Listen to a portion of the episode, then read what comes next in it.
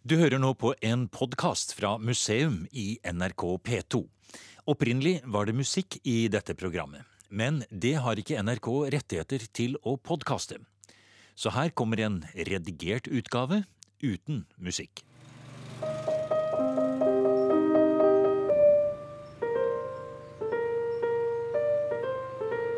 Litt eh, musikalsk lek i starten på denne utgaven av museum. To strofer koblet sammen, og de er hentet fra hvert sitt stykke. Kjennere har vel allerede identifisert opphavsmannen, Harald Sæverud. Mange regner han som den fremste norske komponisten etter Grieg. Han døde i 1992, og hjemmet hans, Siljustøl, er blitt museum. Stølen ligger rett sør for Bergen sentrum, og museum er der en vakker dag, hvor gresset trimmes på den praktfulle eiendommen. Det er ikke lov å si villa om dette huset. sant? Nei. Det er en støl. Ja. Eh, og at innvendig så har du disse små, sånn stølsaktige rommene. Det er Sigurd Sandmo som skal eh, vise oss rundt. Han er direktør i Kode, med ansvar for komponisthjemmene, hvor Siljustøl er den siste tilveksten. Ole Bulls Lysøen og Trollhaugen med Grieg er jo veletablerte museer. Det er noe med bergenskomponister og deres hjem. Sæverud følte nok veldig sterkt selv da han fikk bygget Siljustøl, at han kompletterte en serie. Han kjente jo godt til Lysøen, hadde vært der mye. Han kjente godt til Trollhaugen, hadde også vært der mye. Og han eh, bygget jo også et musikerhjem eh, som eh, jo spiller på mange av de samme strengene som, eh, som de to andre du har. Eh, ja, alle disse tre husene har tårn, det har hage, det har verandaene. sant? Og de eh, eh, tilhører ulike epoker i norsk Ja. eh, både politisk historie og, ja. og musikalsk historie. Og eh, på, på Sildestøl så er det en veldig nær kobling mellom nettopp eh, det musikalske prosjektet og huset. Og veldig mye av Sæveruds musikk henter jo også sine navn fra området her på Ja. Sildestøl. Ja. Så her på Sildestøl eh, satt jo altså Sæverud og jobbet i veldig mange, veldig mange år og var en viktig stemme i norsk eh, musikkliv. Eh, og det fins som ingen annen inngang til dette musikalske universet eh, til Sæverud som er bedre enn nettopp Siljusøy. merker jo når en, når en ser rundt oss, det er, det er høyt og luftig. Ja, her var det flott, eh, flott utsikt å bygge på. Og hele denne store eiendommen var på over 200 mål. Da Harald Sæverud og hans kone Marie Vårslef giftet seg og fikk den store Siljustøl-eiendommen i gave fra. Marie Voslefs ja. foreldre. Ja. Uh, og uh, Siljestøl er jo en fantastisk historie om en komponist som ja, var oppvokst i nokså enkle kår og med trang økonomi, og som skrev musikk som ikke alle var like begeistret for, men som da gjennom et eh, ekteskap med byens absolutt rikeste gifte fikk nærmest ubegrensede midler til at de to sammen kunne bygge det perfekte kunstnerhjem, det ultimate kunstnerhjem, og eh, skape som de best tenkelige rammer for realiseringen av kanskje ikke bare ett, men to kunstnerskap. Også Marie Woslaff var jo eh, en, en ivrig og talentfull billedkunstner. Da får vi gå inn. Så nå står vi jo ved eh, som foten av disse høye gråstensmurene. Ja. Eh, det er jo et eller annet nesten sånn borgaktig Ja. over eh, Det Ja. Og eh, denne hoveddøren inn, en flott Flott og stor dør, og den ligner også litt på en sånn stølsdør. Sånn, som, eh, en, eh, fra et, eller i hvert fall fra et norsk gårdsbruk. Og så står det veldig sirlig malt på Siljustøl anno 1939. Og da dette huset sto ferdig i 1939, så var det en privatbolig ingen hadde sett maken til i Bergen. Nei. Men du, navnet Siljustøl det har ingenting med noe stedsnavn her å gjøre. Det er et påfunn fra hans side. Det var et, eh, et påfunn fra, fra hans side, men det er veldig fint. Sant? Vi ser eh, Jo, like ved oss nå står en av de store seljene. Ja. Eh, og Severud Sæverud likte veldig godt disse seljene. Og så var det dette med stølen, da. Uansett hvor stort dette huset måtte være, så er det altså ikke lov til å kalle det en villa. Nei. For Sæverud var det viktig at det var en støl. Han hadde et nært forhold til naturen. Og for Sæverud så var stølen eh, det stedet der mennesket var aller nærmest naturen. Stølen er liksom krysningspunktet mellom natur og kultur. Og som vi skal se, så er Siljestøl, eh, til tross for at det er et, et eh, fabelaktig stort og imponerende hus, eh, bygget rundt sånne små, intime stølsinteriører. En par fraser over støl. Gleder meg til å komme inn nå. Så vi får gå inn. Ja.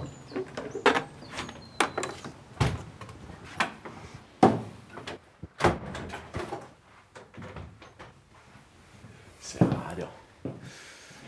Ja. Og nå står vi i det rommet som heter Hulen. Og jeg kjenner med en gang hvor stille det blir sånn, bak disse tjukke, tjukke steinmurene. Og um, ja, hvordan hele dette det suset fra skogen og fuglesangen blir helt borte. Ja.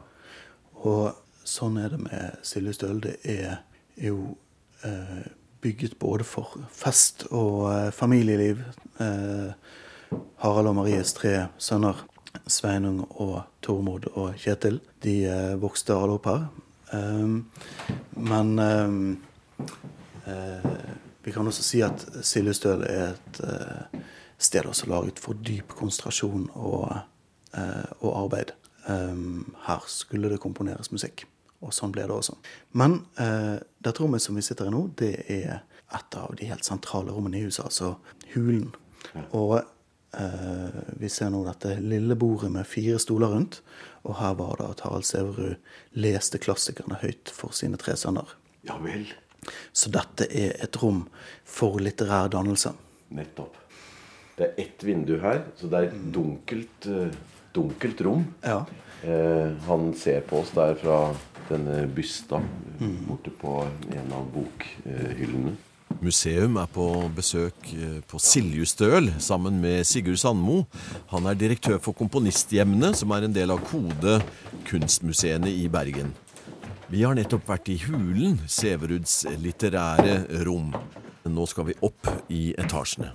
Dette er jo et utrolig fancy hus. Altså. Så i, eh, også i 1939 så var det helt spesielt, og det er det fremdeles. Ja. Denne takvarmeløsningen. Sæverud var lite begeistret for eh, panelovner. Eh, det var en vederstyggelighet. Så eh, det er takvarme i nesten alle rom, som gir denne spesielle følelsen Ja, av det, eh, var, det, det var noe av det første jeg la merke til da jeg kom inn her, var, var en merkelig varme. Ja. Den kom fra taket. Ja, rett og slett. Og dette er jo eh, arkitektur som vi i dag vil eh, si en del av Bergensskolen. Ja. Eh, arkitekten var Ludolf Eidepar, som var en ung arkitekt i dette miljøet. Ja. Og Sæverud eh, sa også litt sånn kjekt selv at han ville ha en ung arkitekt som var lett å forme. eh, men eh, Siljestøl er jo et unikt bygg, men det tilhører likevel en, en tradisjon i Bergen som sto ganske sterkt, og som hadde mange eksponenter i eh, arkitektstanden. Og sentralt er jo eh, at det er jo en, som en, en del av eh, sånn eh, generelle arts and crafts-bevegelse. Mm. Det er en, en sterk tanke om en stedlighet og en sånn stedspesifikkhet. Ja. Og at alt er håndlaget og tilpasset og med en veldig vekt på, på detaljer. Ja. Og, eh, og det unike her er som alt av dørhåndtak og spjellene til peisen og alt det som er utformet med en sånn særlig omtanke for at man er nettopp på Siljustøl. Dette er storstuen, Ja. som er husets uh, sentrale og største og mest representative rom. Ehm, og og uh, her sto også Severus uh, flygel.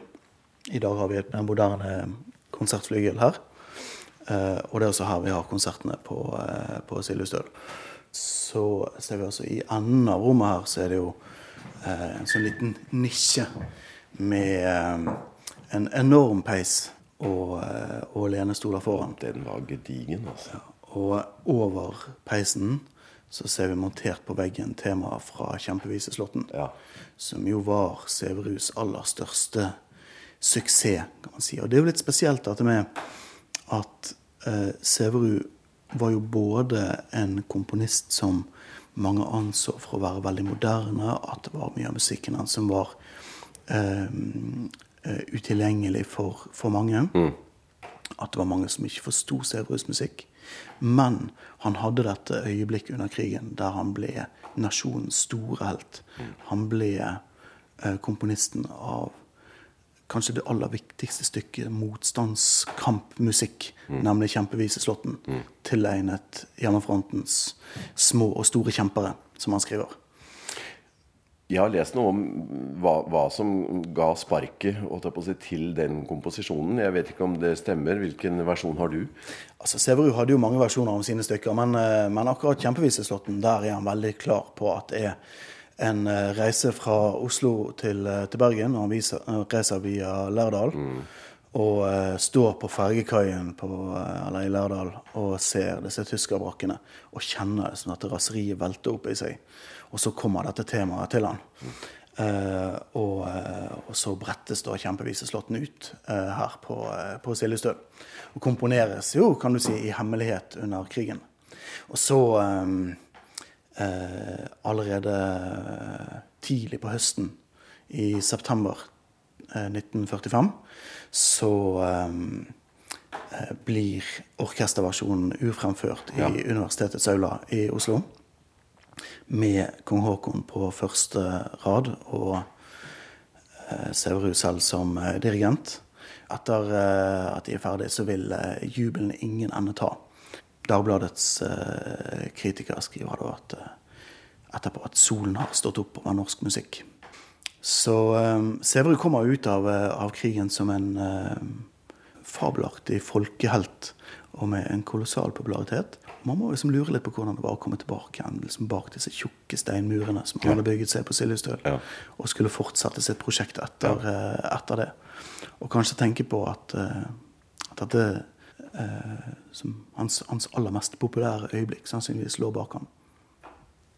Og før vi forlater storstuen, så skal vi få følgende historie fortalt av Severud selv. Og det var kanskje i dette rommet dette fant sted. Og så en gang da den eldste, ganske liten, satt han på, på gulvet og syslet med sine leker. Og så spilte de Og så, så spurte gutten er du bedrøvet, far. Derfor kalte vi den også for Bedrøveten. ja, jeg er bedrøvet, for jeg syns det var interessant at et, et barn spør om det. Og så spilte jeg Ja, så spilte jeg en gang til. Og så er det fordi jeg rivet aviser, han kunne ikke snakke rent. Og jeg skal ikke rive mer, men Tormod river, sa han. Ja, så spilte jeg da, da, da, da, da, da, da, med en ny, ny bass. Men jeg skal snakke med, med Tormod. Ja, så, så ble det da, da, da, da, da, da. Vel, men så, så tenkte jeg noe så enkelt kan da ikke jeg bruke. Altså, så, så dum var jeg den gangen, for den er sannelig ikke enkel. Hvis man med forstand går igjennom hva der hender, det er meget merkelig. Så tenkte jeg at denne her må, må ha kommet ovenfra. Det må være Vår Herre som har lekt. Ja, hvor mange kvadratmeter eh, boflate? Det er jo folk opptatt av ofte. Eh, Er det Ja. snakk om? Eh, Ca. 700 Ja. eh, boareal Ja. her. Eh, Sæverud vil egentlig bygge på litt til, da. Eh, han hadde plan for et, et nytt, eh, nytt byggetrinn. Ja. Men, eh, men hans sønn eh, Sveinung fortalte han at nå, måtte, eh, nå var, nå var Siljestøl ferdig. Mm. Men det er jo en eventyrlig eiendom når vi står her og så kikker ut. Nå ja. I Når vi dette, står her, eh, er det, nå er vi i, eh, andre etasje. i andre etasje. Og vi står nå og ser ut verandadøren og ut på en av disse flotte terrassene. Og vi ser denne store, høye gråsteinsmuren Ja. eh, opp mot kvistværelset hvor vi skal om en liten stund. Dette store treet som vokser oppover langs veggen, her, det er vinterepler. Um, så her kunne det plukkes epler ut av eh, vinduene eh, i tre etasjer. Og så kan man gå ut på bakken også fra annen etasje. Ja.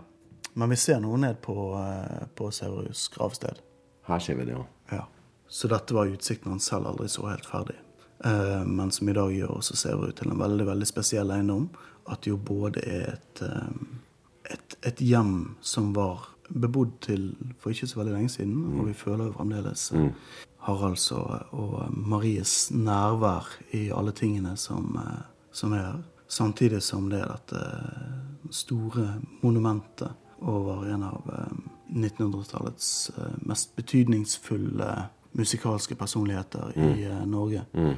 Og der dette monumentale gravstedet også er plassert midt på eiendommen. Er det den steinstøtta der nede? Ja. ja. Så vi skal gå ned og se etterpå. Ja. Han fikk uh, begravelse på statens uh, bekostning? Det gjorde han. og det var det Grieghallen? Ja. ja. Og det var en begravelse som var en, en statsmann verdig. Og Sæverud var selv veldig involvert i planleggingen og satt her i, i storstuen sammen med sin sønn Sveinung og planla hvordan dette skulle, skulle bli. Nå er vi på vei til arbeidsrommet til Harald Sæverud. Og skal få oppleve kontrasten til det storslåtte vi har sett. Men når vi nå kommer opp i denne tredje etasjen, så fra dette sånn, litt sånn større og eh, sosiale og representative rommene i etasjen under oss, så går vi nå inn i eh, denne gangen i tredje etasje. Eh, som leder inn liksom, til små, intime og veldig veldig private rom. Og det er fantastisk at, uh, at familien også har, har, gitt denne eiendommen med mm. uh, all sånn personlighet og atmosfære og detaljer til uh, allmennheten og til museumsformålet. Så når vi kommer inn i disse rommene, så kommer vi liksom veldig, veldig tett på kunstnerparet Harald og Marie Sæverud. Så her kan du tre inn. Ei. Det gløder på en måte. det gløder. det gløder. Ja. Det er de røde gardinene som får dette ja. underlige røde lyset som nå eh, eh, du også blir så slått av, og du sier at eh, det gløder. Og dette er jo husets eh, hotspot. Ja. Um, her eh, i dette rommet, i som vekslingen mellom arbeidsbordet som du ser her, og uh, pianoet bak oss, uh, så har Sæverud arbeidet. Ja. Her ble store orkesterverk til veldig mye av klavermusikken. Det store arbeidet med byggenmusikken. De, uh, de blir komponert i dette rommet. Her ligger det briller og alt. Ja. Jeg regner med at alt her er autentisk ja. materiale. Ja. Og sånn, sånn, er det jo når man kommer Eh, det er jo et eller annet litt sånn grandiost med Sæveruds helt sånn ubeskjedne plassen han tok i, i ja. offentligheten. Ja. Og uh, hele huset her, som uh, jo også er et, et monument over et, um, en, en, litt sånn gammeldags, romantisk kunstnerpersonlighet mm. Mm. Uh, som ikke var redd for å altså, vise frem sitt, sitt geni i, i offentligheten. Og kanskje Norges siste kunstnerpersonlighet i den tradisjonen. Men så er det noe med at når man uh, følger i sporene til uh, denne ruvende Sæverud-skikkelsen uh, inn på Siljestøl og oppover etasjene, opp i hans mest private rom, så er det jo på en måte den veldig spartanske ja. og nøkterne arbeidsmannen man møter. Lite arbeidsrom. Det er trange og fokuserte rammer rundt den kreative ja. prosessen. Ja. Det henger en Spelemannspris der borte fra 1980, 1988. Og under bildet 'Umiskjennelig' eh, Sæverud sånn som vi husker han. Ja.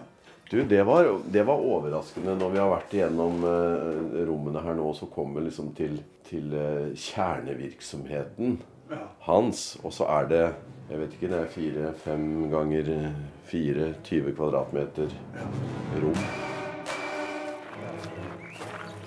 Da blir vi nærmest kastet ut av Dovregubbens hall med de siste taktene av Dovreslott, Sæveruds musikalske versjon av Per Gynt, og ut i parken. Nå går veien til huset nokså rett opp fra det som heter Harald Sæveruds vei. Ja. Men eh, da huset var nytt, så gikk den i denne sløyfen opp til, eh, til, huset. Og da skal en av eh, en fra arbeidslaget ha gått til eh, Marie Våsleff og sagt at eh, det ville være veldig mye enklere å legge veien rett opp til, til huset, og at de skjønte ikke hvorfor um, de skulle legge veien i denne store ekstra sløyfen. Og da skal uh, Maria sett på ham med et lite smil og sagt at veien skal få kose seg litt, den også. Uh, så han er nesten sånn for, for 30-årenes Bergen skjødesløse bruken av penger på å bygge en så flott privatbolig vakte jo eh, oppsikt. Ja. Alle snakket om, eh, om Silje Støle, og det er også eh, ja, så naturlig å tenke på når man, eh, man snakker om eh, som denne store fortellingen om, om Siljustøl.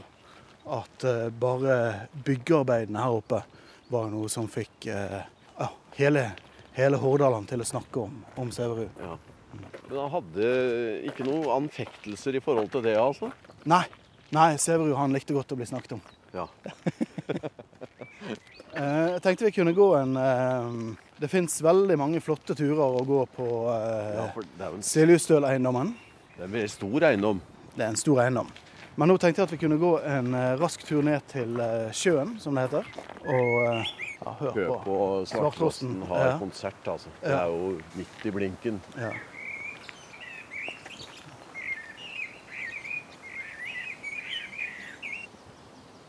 Nå går vi langs denne bekken, som jo også er drenert og skapt av eh, Sæverud og, Ja og hans, eh, hans eh, sønner. Og som da leder vannet ned i denne eh, sjøen som vi er på vei til.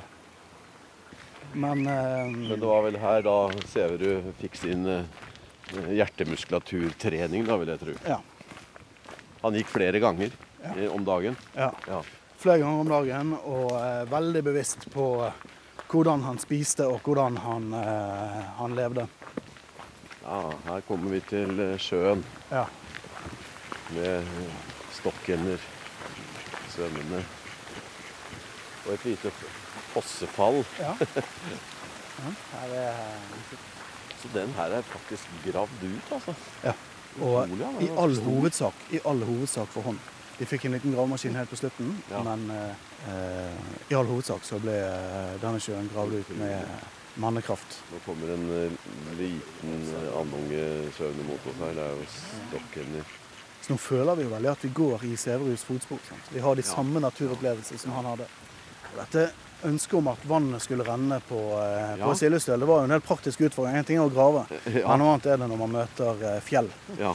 Og, eh, og Sæveruds sønner har fortalt meg hvor mye gøy de hadde på eiendommen. Også hvor mange morsomme påfunn og all denne som kreativiteten til, eh, til Harald Sæverud.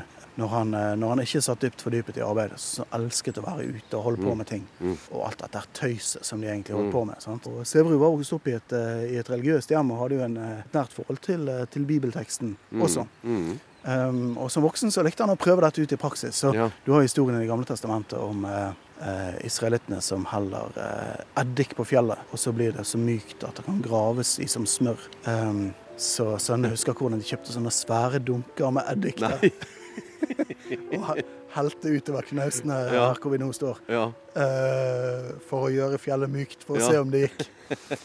Og Severud trodde nok ikke egentlig at det skulle gå, men Nei. eh, som Sønne sier, altså, de hadde det så morsomt Ja. med den type prosjekter ja. en mann som kunne være både ja, streng og autoritær og eksentrisk henimot det vanskelige Ja. i offentligheten, ja. men som også er en utrolig karismatisk og leken og, og gøyal person. Og, eh, og vi møter han overalt, i alle skikkelser på Siljustøl. Jeg glemte å, å si det i stad når vi hørte denne flotte svarttrossen som satt rett over hodet på oss og sang en sang at en eh, for så vidt samtidig av, av eh, Sæverud, en franskmann som jo brukte fuglene som virkelig inspirasjonskilde, Olivier Messiaen, Ja. som ja, ja. komposisjoner fulle av fuglelyder. Men eh, vi kan ikke høre eh, sånt i Sæveruds musikk. Jo. Kan vi det? Ja. Eh, åpningen av eh, Jeg skjønner at du både er musikk- og fugleinteressert. Eh, og faktisk åpningen av Rondo Amoroso. Der hører du gulspurven, som vi også har hørt i dag. Ja. 1, 2, 3, 4, 5, 6, 7 sier jo Ja. den. Ja, og der har du eh, denne åpningen av Rondo Amoroso, som jeg ikke skal forsøke å synge, sant? men som også er denne raden av like toner som måtte gå ned. Nå må jeg tenke etter.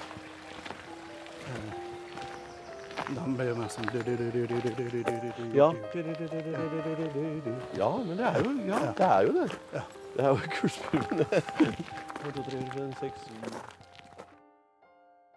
Du har hørt en podkast fra NRK P2.